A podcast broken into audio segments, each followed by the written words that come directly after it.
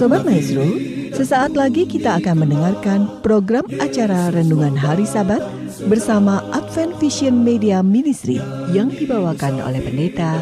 Selamat mendengarkan. Yesus mau datang segera.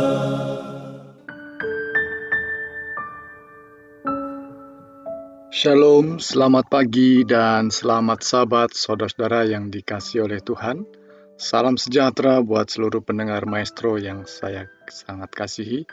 Pada pagi hari ini saya, Pendeta Cucu Elia akan bersama-sama dengan saudara-saudara untuk merenungkan firman Tuhan yang saya beri judul Bangun dan Kuatkanlah. Sebelumnya saudaraku, mari kita akan berdoa. Bapa yang bertahta dalam kerajaan sorga, terima kasih untuk pertolongan Tuhan. Terima kasih untuk perlindungan Tuhan.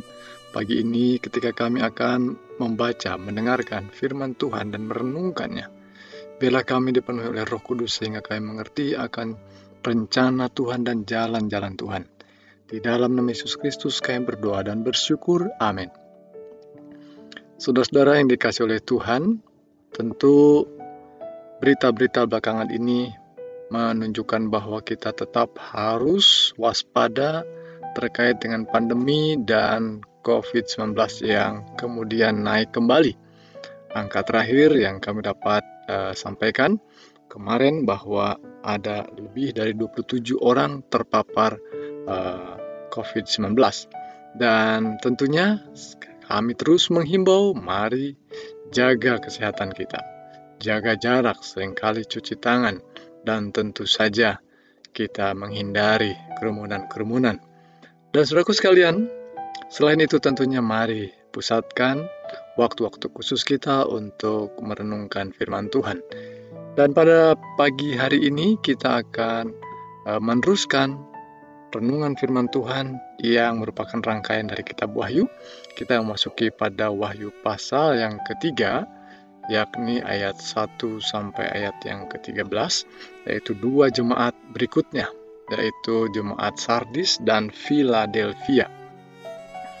Saudaraku yang dikasih oleh Tuhan, inilah pekabaran yang disampaikan kepada jemaat-jemaat yang saya sudah sebutkan secara geografis memang ada di Asia Kecil pada waktu itu.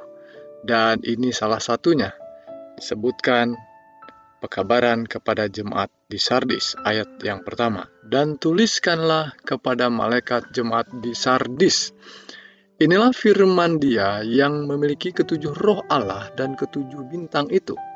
Aku tahu segala pekerjaanmu.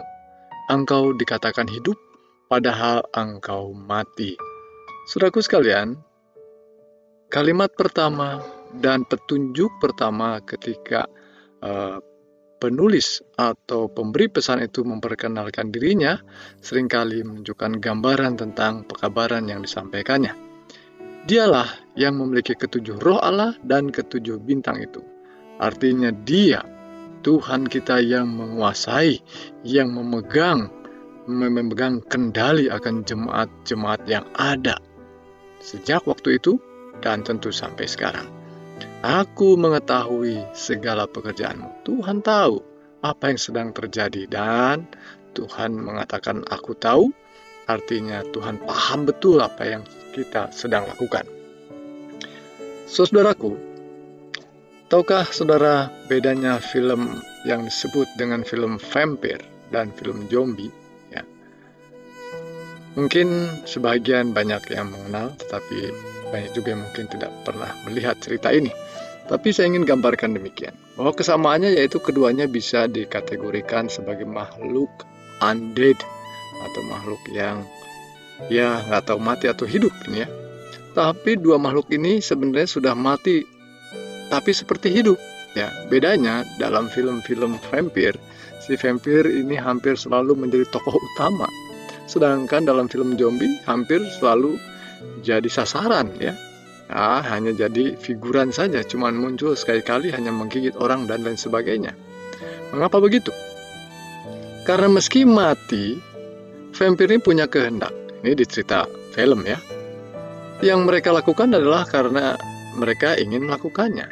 Itu cukup menarik untuk menjadi uh, tokoh utama. Tapi zombie, ya, dalam kisah-kisah film itu tidak ada kehendak, hanya jalan-jalan sana kemari lalu gigit orang, ya. Maka film zombie zaman dulu yang mungkin menyebut nama judulnya The Night of the Living Dead, judulnya mungkin kurang tepat ya. Yang lebih tepat barangkali zombie sekarang itu namanya Li Living Dead ya, bukan Living Dead lagi harusnya, tapi Walking Dead. Ya, yang orang berjalan tapi sebenarnya bukan orang yang hidup tapi orang mati bisa jalan-jalan. Karena memang zombie cuma jalan-jalan, bukan membawa diri melainkan terbawa saja. Seperti hidup tapi sebenarnya mati dan hanya jalan-jalan gerak sana gerak sini. Soku sekali ini hanya sebuah ilustrasi saja.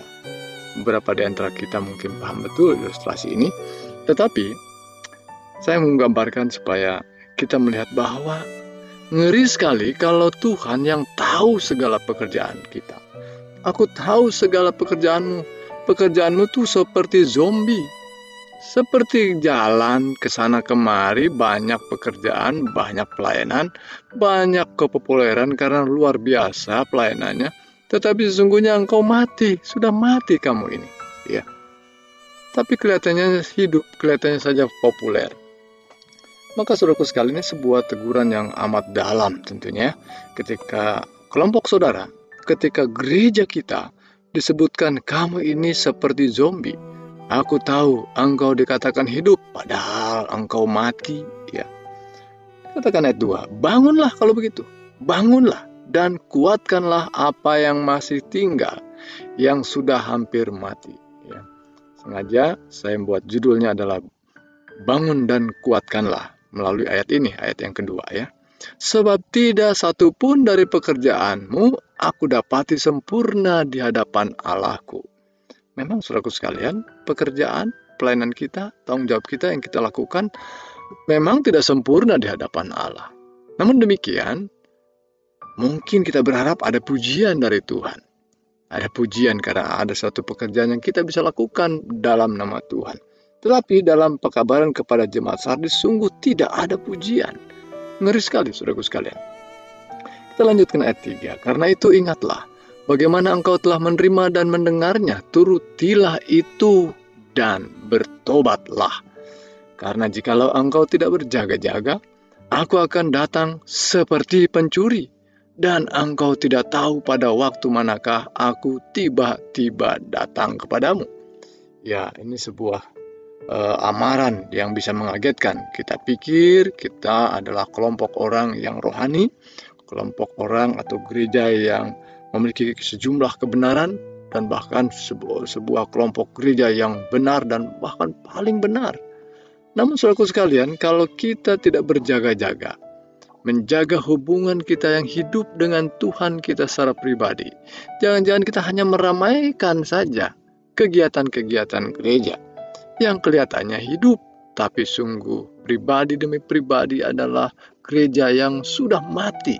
Mengerikan sekali saudaraku sekalian maka bangunlah, kuatkanlah apa yang masih tinggal yang sudah hampir mati ini. Saudaraku sekalian, jemaat-jemaat yang digambarkan dalam uh, pasal 2, pasal 3 daripada kitab Wahyu, sebagaimana saya sudah sebutkan gambaran sebelumnya dalam pasal yang pertama bahwa jemaat-jemaat ini hadir secara geografis memang sudah ada pada saat itu. Namun para pembaca, para penafsir eh, Alkitab sepakat bahwa ini juga adalah sebuah rangkaian daripada gereja atau kehadiran umat Tuhan di seluruh generasi waktu daripada uh, munculnya gereja di awal dan kemudian sampai pada akhir zaman. Jadi secara kronologis ini juga dapat menggambarkan seperti itu. Dan jemaat Sardis Kebanyakan penulis sepakat ini terjadi pada atau digenapi ter, pada 1517 sampai 1830. Saya kira tidak harus dihafal, tapi kira-kira ini abad-abad pertengahan di mana ada pembaharuan di sana. Dan memang pekabaran untuk jemaat di Sardis bahwa Yesus memiliki ketujuh roh Allah dan ketujuh bintang. Artinya dia memimpin ketujuh jemaat itu dalam tangannya, ada di dalam kendalinya. Dia juga menyediakan tujuh anugerah roh pada jemaatnya untuk menjadi bagian dalam kitab kehidupan di hadapan Bapa dan para malaikatnya. Jadi ada tuntunan, ada roh Allah yang menyertai uh, umat Tuhan pada uh, pekabaran ke jemaat Sardis ini. Baik, saudaraku sekalian, Sardis memang artinya apa yang masih tinggal, ya. Kuatkanlah apa yang masih tinggal.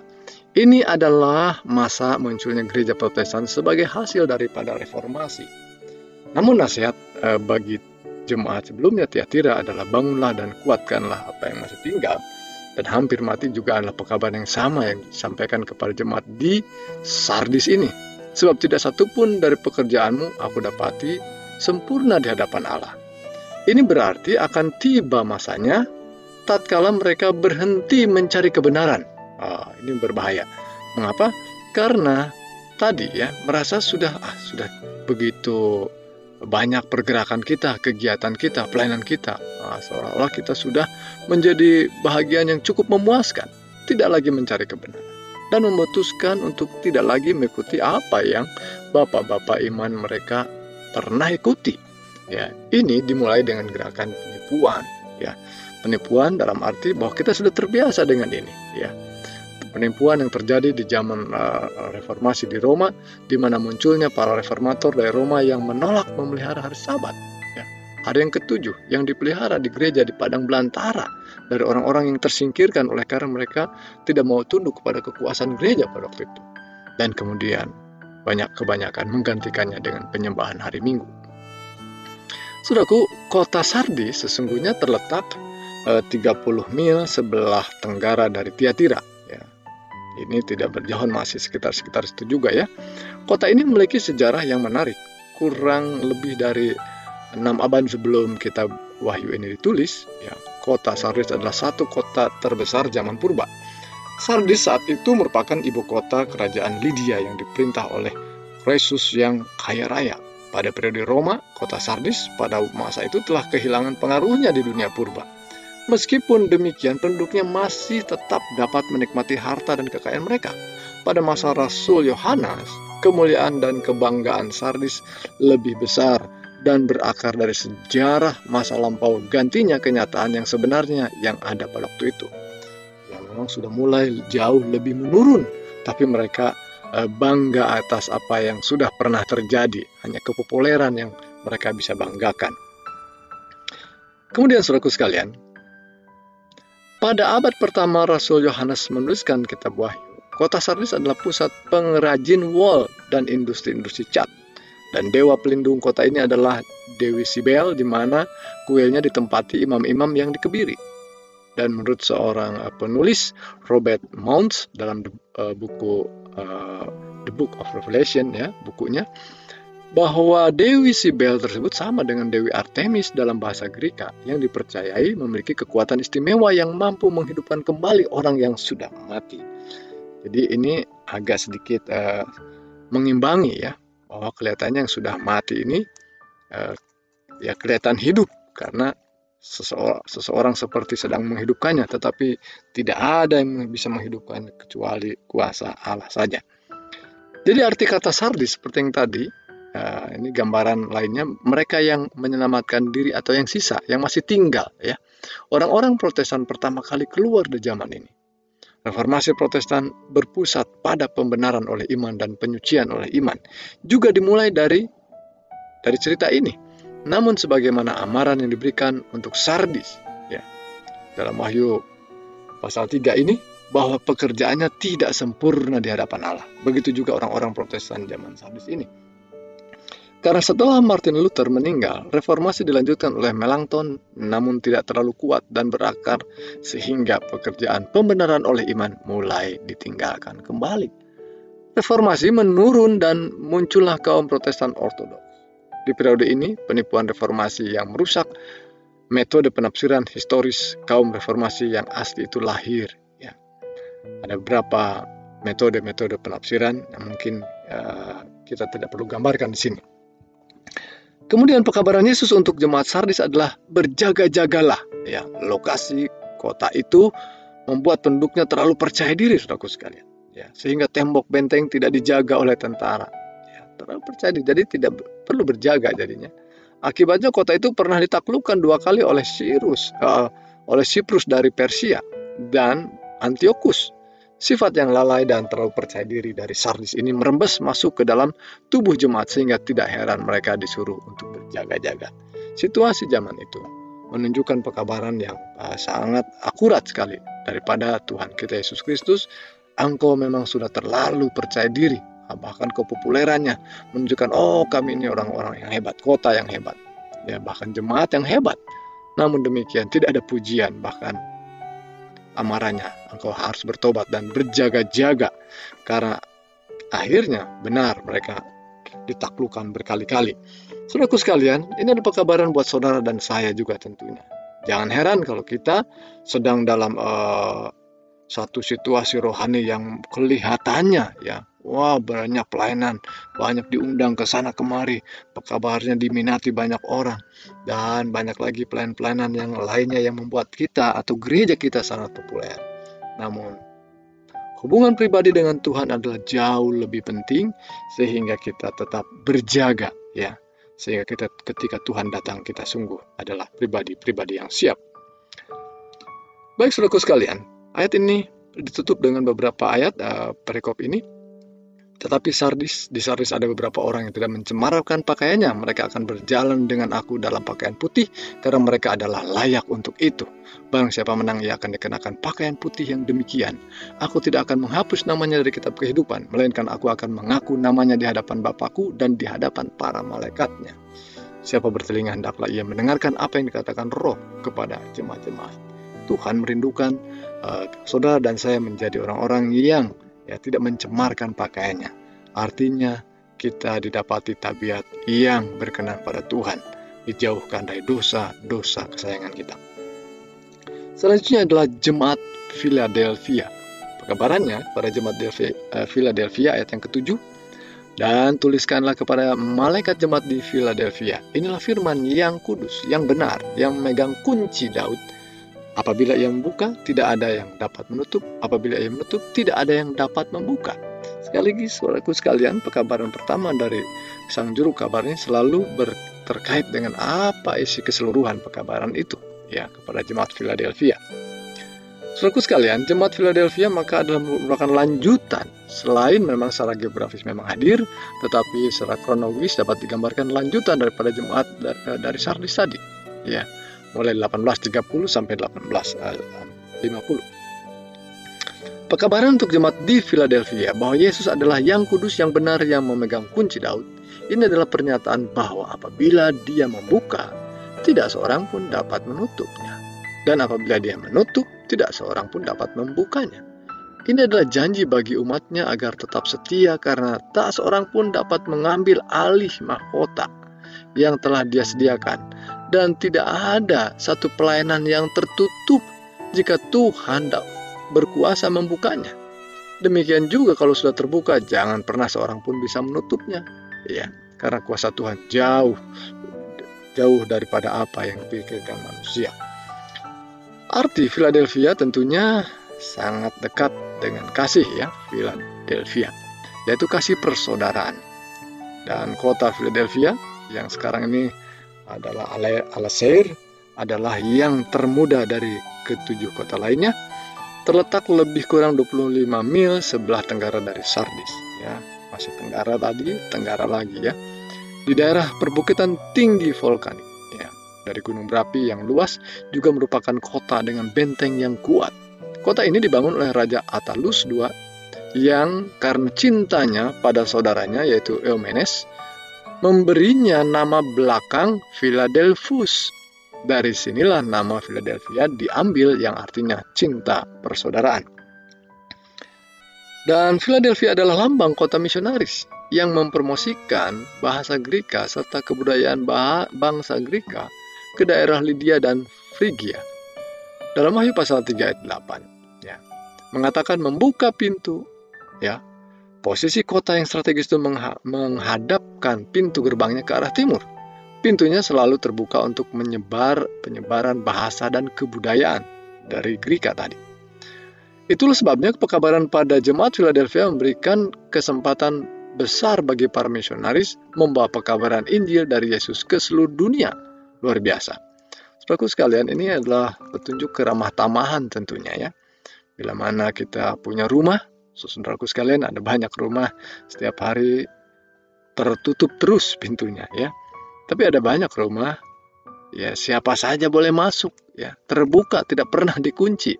Nah, ini model-model Philadelphia, keramah tamahan ya, kasih persaudaraan. Dan sangat mungkin orang jahat bisa masuk.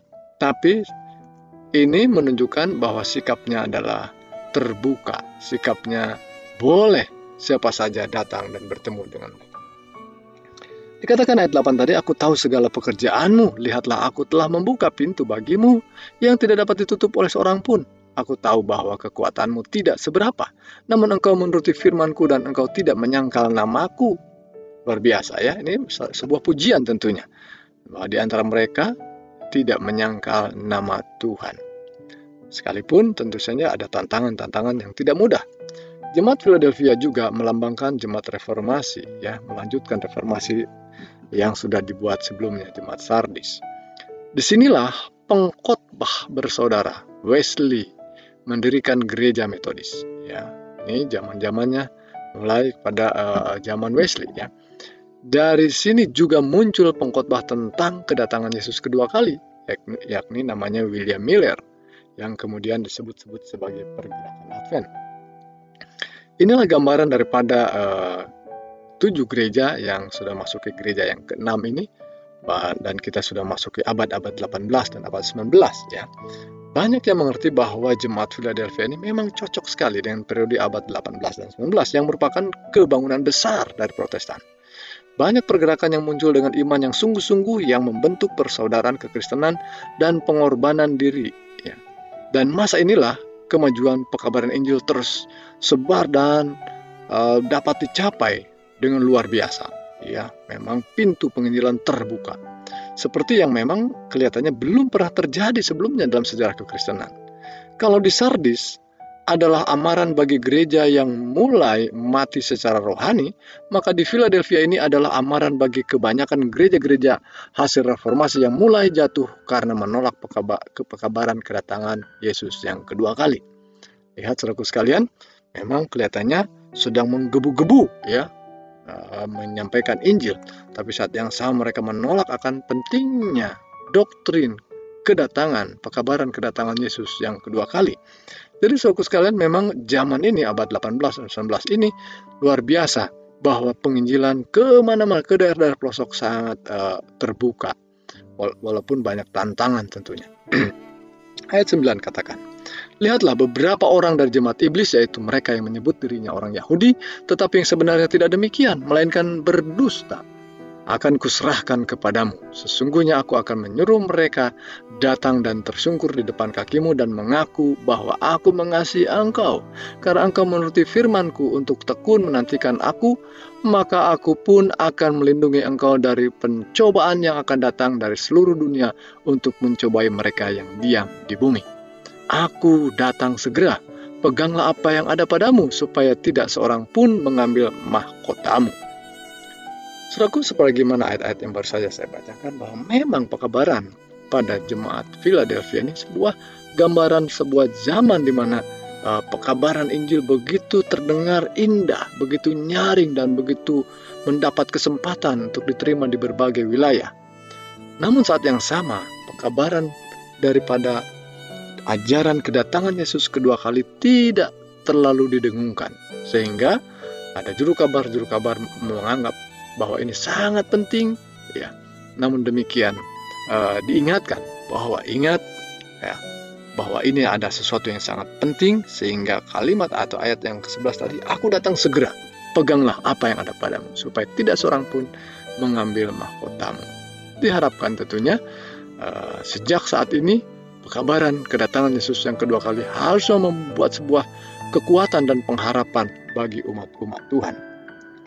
Ayat 12, barang siapa menang, ia akan kujadikan soko guru dalam bait suci Allahku, dan ia tidak akan keluar da lagi dari situ, dan padanya akan kutuliskan nama Allahku, nama kota Allahku, ya, yaitu Yerusalem baru, yang turun dari sorga, dari Allahku dan namaku yang baru. Siapa bertelinga, hendaklah ia mendengarkan apa yang dikatakan roh kepada jemaat. Saudaraku sekalian, kabaran sederhana ini kiranya menolong kita, menyanggupkan kita untuk tetap setia sampai pada tu kedatangan Tuhan yang kedua kali. Pekabaran yang penting sekali, satu peristiwa yang amat penting yang kita tunggu-tunggu dan mempersiapkan kita, hidup kita, tabiat kita bersih di hadapannya sehingga kita boleh layak bertemu dengan Tuhan di angkasa. Itulah doa dan pengharapan kami, mari kita berdoa. Bapa kami yang bertahta di sorga, kami ucap syukur untuk firman Tuhan yang telah Engkau telah taburkan di pagi hari ini. Biarlah roh Tuhan yang telah mengajar kami adalah roh Tuhan juga yang akan menuntun dan membimbing kami, memberikan kekuatan untuk menghidupkan hidup kami di dalam jalan-jalan Tuhan, hidup di dalam kebenaran Tuhan. Beberapa di antara kami para pendengar maestro yang saat ini bergumul dengan sakit penyakit dan pergumulan hidup lainnya, biarlah engkau kuatkan dan teguhkanlah Tuhan. Jamahan tangan Tuhan berikan kekuatan dan kepulihan. Inilah doa kami Tuhan, berkati kami sepanjang sabat ini, biarlah kami boleh menikmati hubungan dengan Tuhan dalam perbaktian. Dalam nama Yesus Kristus kami berdoa dan bersyukur. Amin.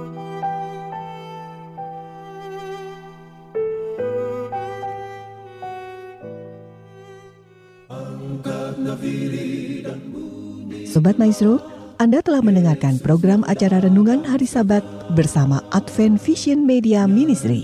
Untuk tanggapan pendengar, hubungi 087 888 777 689. Terima kasih atas kebersamaan Anda. Tuhan memberkati.